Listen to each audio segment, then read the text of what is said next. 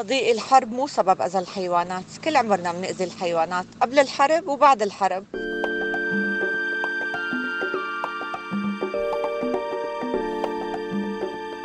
أنقذوا حيوانات ملجأ سارة.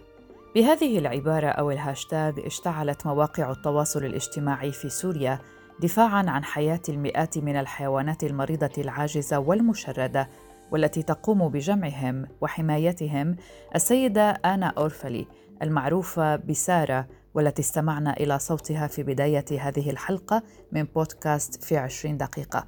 سنستمع إلى المزيد مع السيدة سارة صاحبة هذا الملجأ. هلا الملجأ أنا طبعا كنت شيل الحيوانات من الشوارع قبل ما أسس ملجأ وقبل ما أخذ ملجأ وحطهم بمزارع مأجورة بمصاري. وحط المشلول والجراء والقطط ببيتي يعني.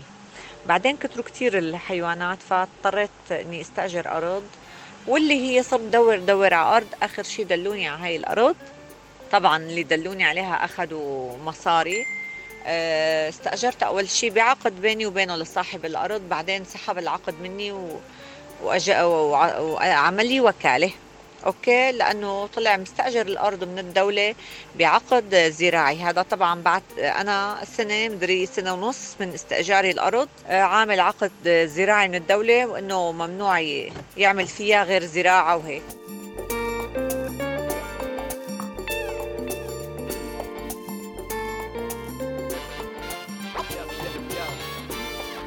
كانت شرطة محافظة ريف دمشق مخفر الحتيتية قد حاولت وبإيعاز من وزارة الزراعة السورية وبناء على كتاب منها حاولت إغلاق ملجأ سارة.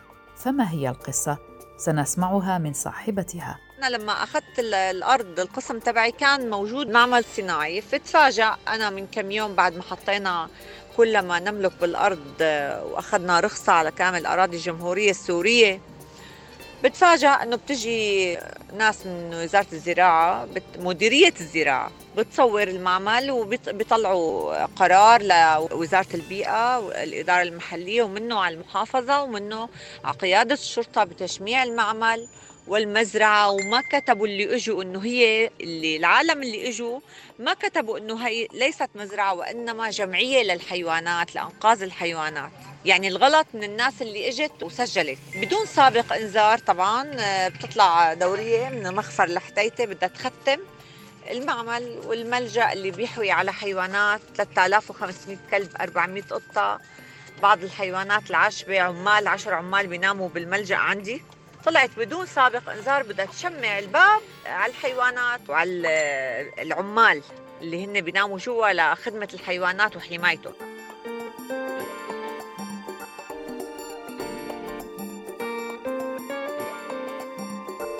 وبعد تصدر الهاشتاغ أنقذوا حيوانات ملجأ سارة أو هاشتاغ أنقذوا ملجأ سارة. تم طلب للمحافظة أنه يلغوا التشميع فترة لبين ما ندبر أمورنا يا عن طريق أخذ الأرض نفسها يا نستأجر أرض تانية. وإذا نستأجر أرض تانية ما بنقدر لأنه ما معنا مصاري. بدأ رواد مواقع التواصل الاجتماعي بإبداء ردود أفعالهم حول الخبر والهاشتاغ حيث شهد حملة تضامن كبيرة لم تقف فقط عند حد الهاشتاغ بل تواصلت بطلب البعض بتبريرات واضحة لإغلاق الملجأ. وأشار بعضهم لوجود مئات المنشآت الصناعية في تلك المناطق ومنها بلدة الحتيتية على الخصوص فيما اعتبر آخرون أن الأجدر هو العمل على مساعدة المواطنين الذين يعيشون تحت خط الفقر ويعانون من العوز الشديد وبأن هذه الحيوانات لديها القدرة على الحياة وحدها بدون دعم من سارة أو من غير سارة حسب وصف أحدهم.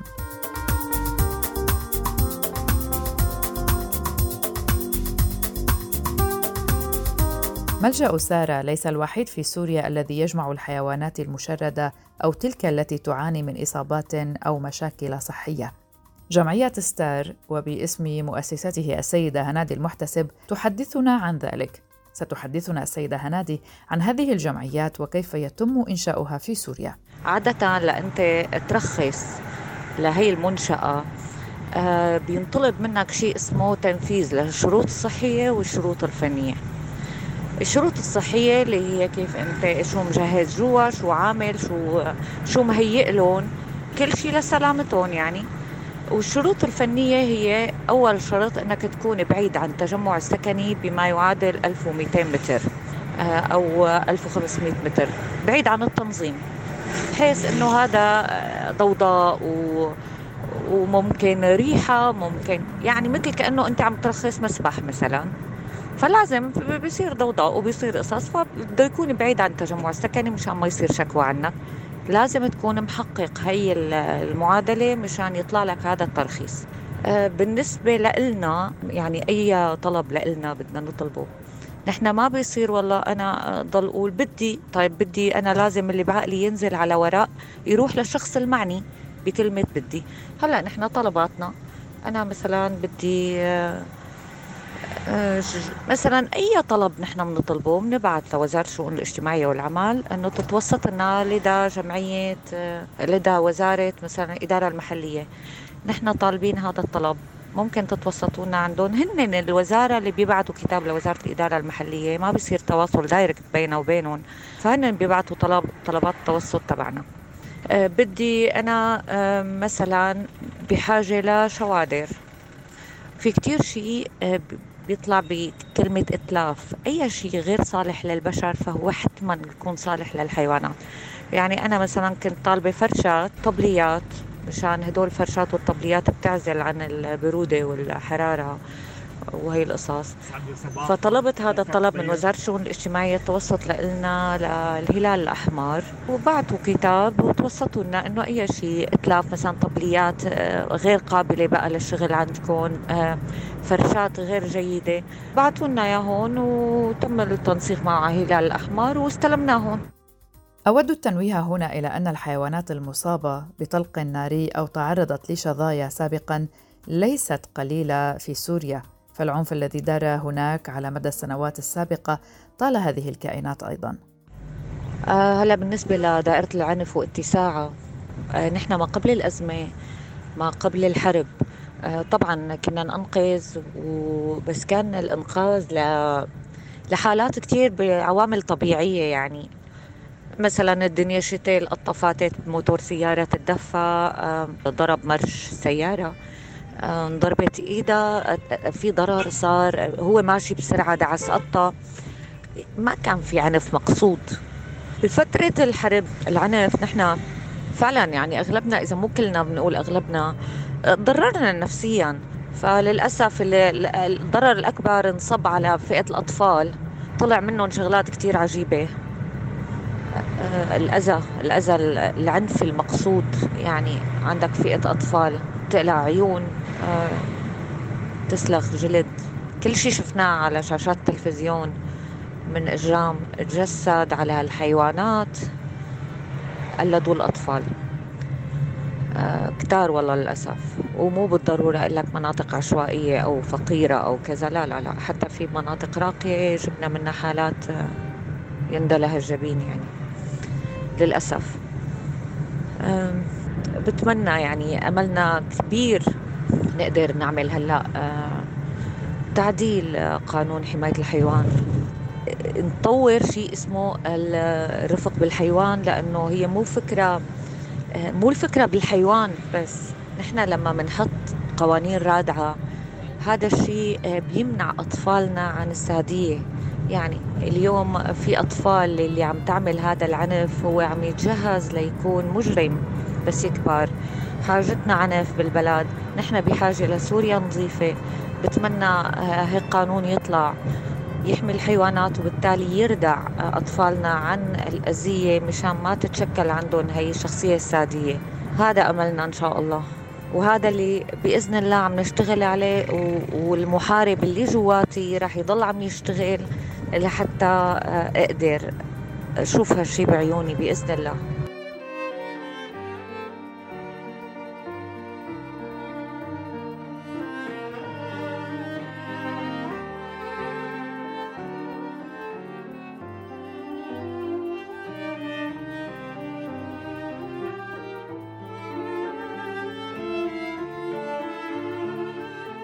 نعود إلى ملجأ سارة.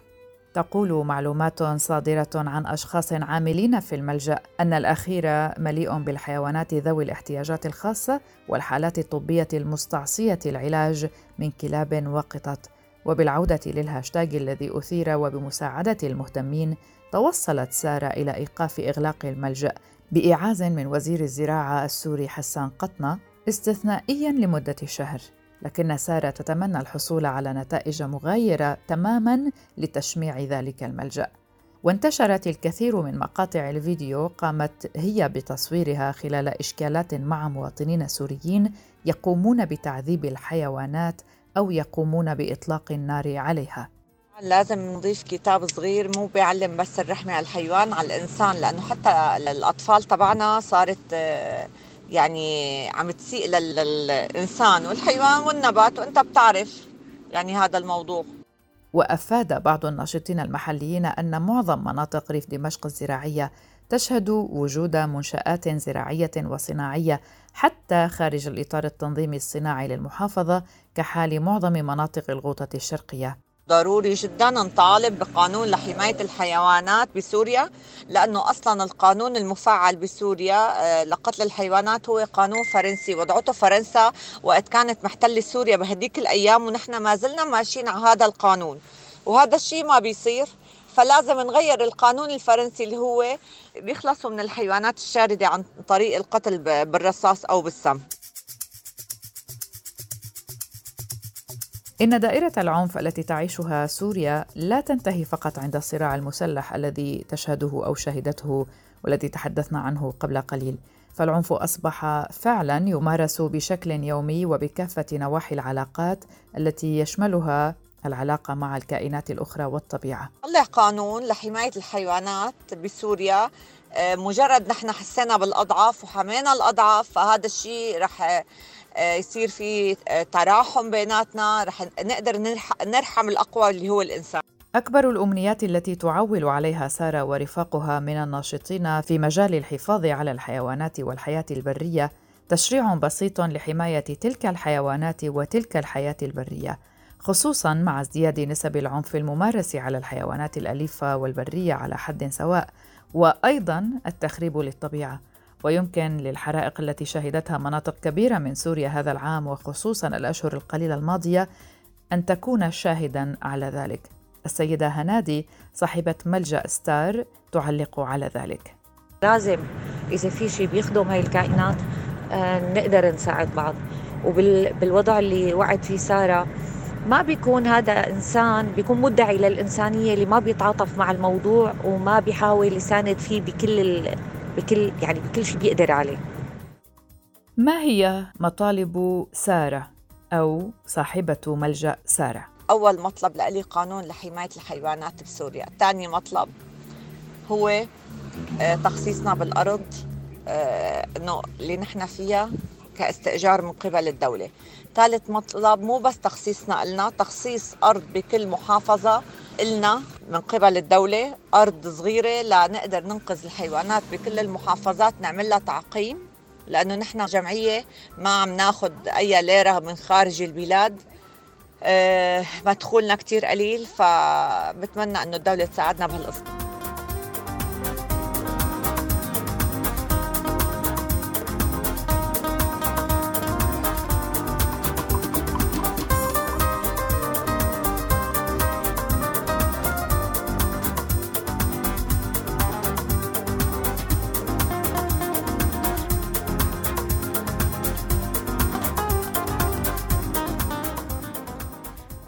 وبما أننا تطرقنا إلى اقتراح السيدتان ضيفتنا في هذه الحلقة حول ضرورة سن قوانين جديدة تغرم من يسيء معاملة الحيوانات أو يتقصد إيذاءها.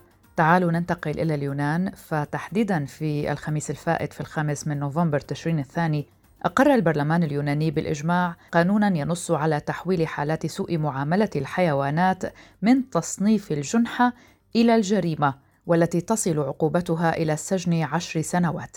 يفرض القانون الجديد غرامة تتراوح بين خمسة آلاف يورو إلى خمسة عشر ألفا وذلك على الأشخاص الضالعين في هذه الحالات على ألا تقل مدة السجن عن سنة واحدة. يشمل تعريف سوء المعاملة حالات تسميم الحيوانات وشنقها وحرقها وتقطيع أطرافها. وقد أشاد وزير الزراعة اليوناني ماكيس فوريديس الذي قدم مشروع القانون أشاد بهذه الخطوة قائلا إن البرلمان يبعث برسالة قوية إلى المجتمع الذي لم يعد في الإمكان أن يقبل مثل هذه الأعمال. وتطرق الوزير إلى حالتين أول تلك الحالات في جزيرة كريت مطلع الشهر الفائت تمثلت في شنق كلب وإخصائه على يد رجل في سن الخامسة والخمسين وقد نشرت صور هذه الواقعة عبر مواقع التواصل الاجتماعي ووسائل الإعلام اليونانية أيضا وحكم على الرجل بدفع غرامة وقدرها ثلاثون ألف يورو. الواقعة الثانية حصلت بعد بضعة أيام في منطقة قرب أثينا العاصمة إذ مارس مدرس في سن الرابعة والخمسين التعذيب في حق كلب من خلال طعنه بسكين وضربه بقضيب حديدي. في حادثة صورها أحد المارة وينتظر عموم اليونانيين محاكمة المدرس لاحقاً. كما أفادت الشرطة اليونانية بتسجيل 2644 بلاغا عن حالات سوء معاملة لحيوانات و778 شكوى.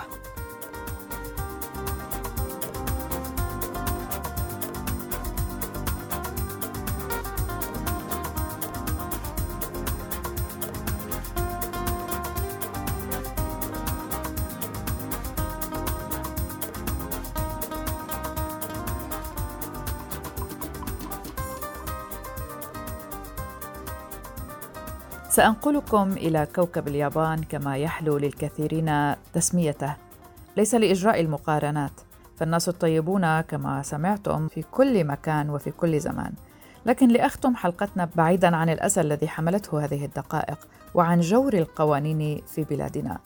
سأخبركم عن عيادة في طوكيو لمعالجة دمى الحيوانات المحشوة.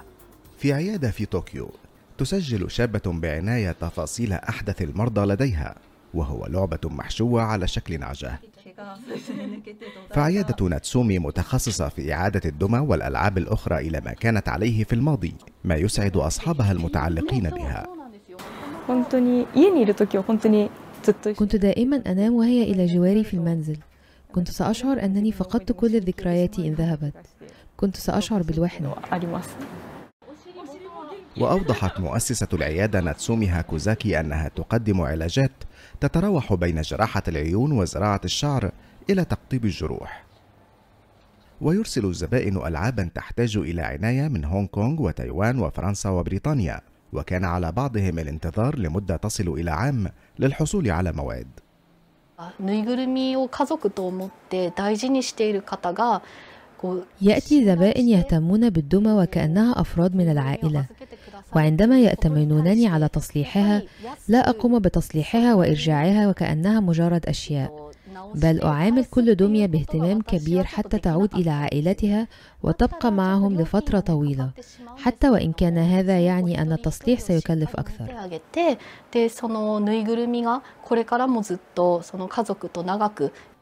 وتصلح هذه الشابة مئة لعبة محشوة شهريا مع خمسة موظفين آخرين. ويستغرق تصليح دمية أو لعبة حوالي عشرة أيام. وتوثق العيادة كل مرحلة من مراحل العلاج بعناية. وتنشر الصور على الإنترنت لكي يتمكن أصحابها من متابعة العلاج من كثب. هذه كانت حلقة من بودكاست في عشرين دقيقة. لا تنسوا متابعتنا عبر كل منصات البودكاست المتاحة وعبر أيضا موجات راديو الآن وعبر موقعنا الرسمي الآن دوت إف إم. كانت معكم في الإعداد والتقديم براء صليبي. وأتقدم بالشكر لصديقي وزميلي نجيب الشوفي الذي ساعد وساهم في إعداد هذه الحلقة والحصول على الأصوات التي استمعتم إليها. شكرا لكم وإلى اللقاء.